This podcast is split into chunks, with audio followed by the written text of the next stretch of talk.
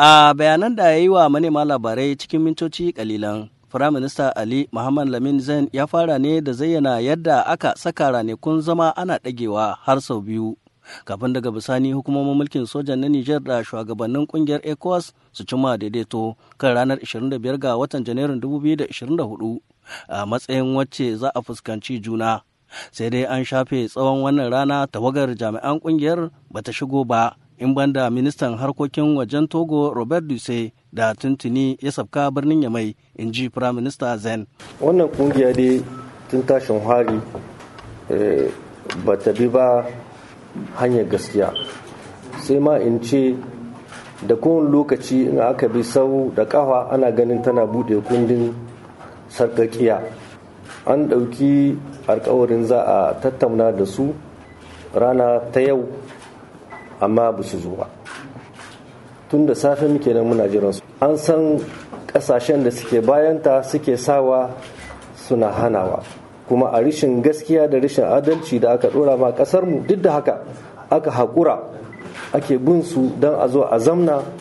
Wannan rishin gaskiya da takunkumi da aka addaba ma talakawan mu a ɗage shi saboda mutane suna wahala. Ƙasar togo ya riga ya zo. Wannan bawan allah yana zuwa yana zawa dama wancan gamin ya zo suka ƙi zawa kuma yanzu wannan gamin ma ya zo ba su zo ba. Rashin samun izinin sabka a filin jirgin saman jore hamani ita ce hujjar da lamin zan ya ce ƙungiyar sai da yawo ta sanar a matsayin abin da ya hana jami'anta halartar wannan zama. Na farko suka ce ba a ba su ba authorization hanyar zawa su sabka a filin jirgin mu. Aka yi ƙoƙari aka bincika aka gani an tura musu. Muke jiran su tun da safe. Har bayan azuhar aka yi kiran su aka ce to ya ne ku samu zawa ba?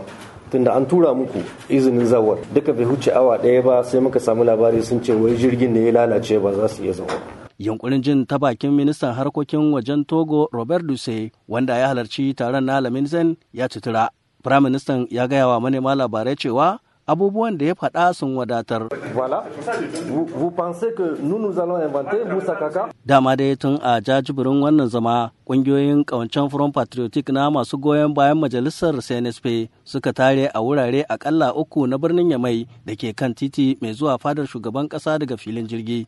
Da nufin bayyana wa tawagar da ECOWAS za ta turo cewa 'yan ƙasa ke da maganar ƙayyade wa'adin mulkin riƙon ƙwarya. Sule Mumuni Barma, muryar Amurka daga Yamai a jamhuriyar Nijar.